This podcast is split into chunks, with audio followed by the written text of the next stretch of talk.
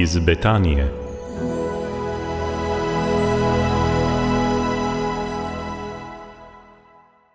Lepo pozdravljeni, spoštovani poslušalci v rubriki iz Betanije.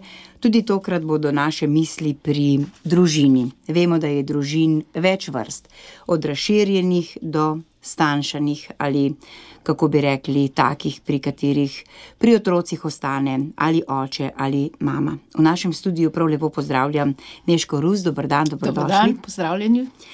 Vi imate nažalost tako izkušnjo, da ste ostali sami s tremi otroki.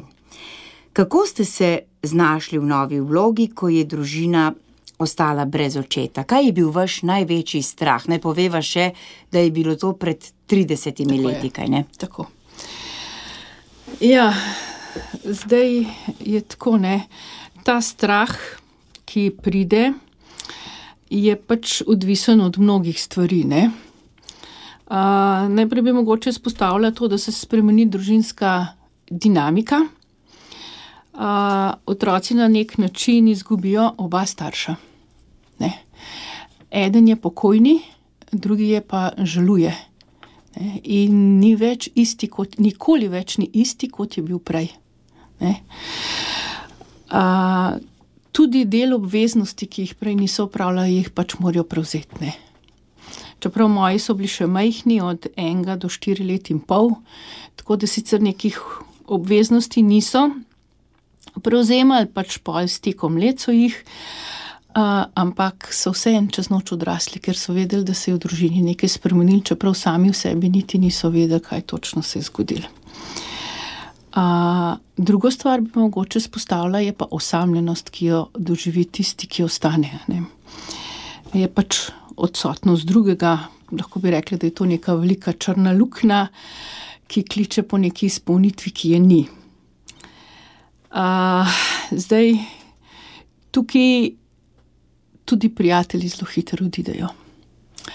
Tudi zakonske skupine niso več, nimajo več tistega pomena, ki so ga imele do takrat.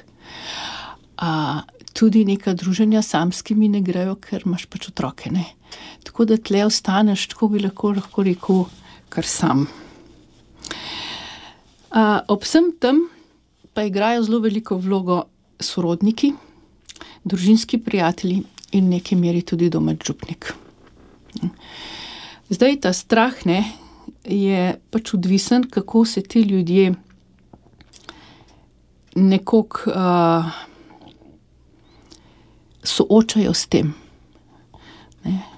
Sorodniki, ali je to tudi za njih tako velika bolečina, da tukaj nastane neka tišina, nek mok, neka odrinjenost, ker pač tudi oni ne morejo govoriti o tem, kar se je zgodilo. Recimo. Mhm. Kaj bi pa recimo vi svetovali nekomu, ki ima podobno izkušnjo, pač nenadno izgubo so zakonca oziroma njegovim svojcem, sorodnikom, naj spoštujejo ta mok in naj se odstranijo, oddalijo, ali naj potrkajo kdaj pa kdaj na njegova vrata ali njena vrata in vprašajo, kako si, a lahko kako pomagam. Zelo dobrodošlo je, da si s človekom, ne, ob njem, ob njegovi nemoči, ob njegovi žalosti. Ne. V svetem pismu piše: Jokajte z jokajočimi, jaz bi rekla: Jokajte z žalujočimi. Če so zelo pomembno, je tudi to, da pokojni ni pozabljen. Je le del življenja. Recimo, moj mož bo vse življenje del mojega življenja, ker je oče mojih otrok. In kako je težko, recimo, za otroke ali pa tudi za me, če čutim, da je pozabljen. Uh, zdaj, tukaj pri žalovanju se včasih zgodi, da se uporabljamo te klišeje. Ne. Ne. Sej bo čas vse pozdravil. Pomeni, žalovanje ima določen čas, če v tem času ne obžaluješ, nekaj ni v redu s tabo. Ali pa sej ste še mlada, sej se boste poročila. Če se ne poročiš, nekaj ni v redu s tabo. Ne? Te klišaje, klišeje so včasih malo problematični. ne. A, zelo dobrodošlo je, če se vidi, kako bi lahko konkretno pomagal. Ne, ne vem. Ne, povabiš na nedeljsko kosilo, recimo preobremenjeno mamo ali očeta, ki ostane z otroci. Ne. ne vem, za veliko noč mu operaš avto, ki imajo vsi avtomobile oprane, on pa niti ne ve, kje bi začel in kje bi končal z vsemi upravili, ki jih prinaša velika sobota. Tako, da se mal vidi ta konkretnost, ne, ne vem.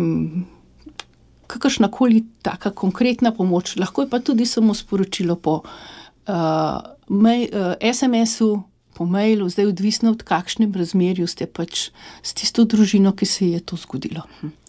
Najlepša hvala, Neška Rus, bom rekla za danes in se vidiva spet čisto v kratkem.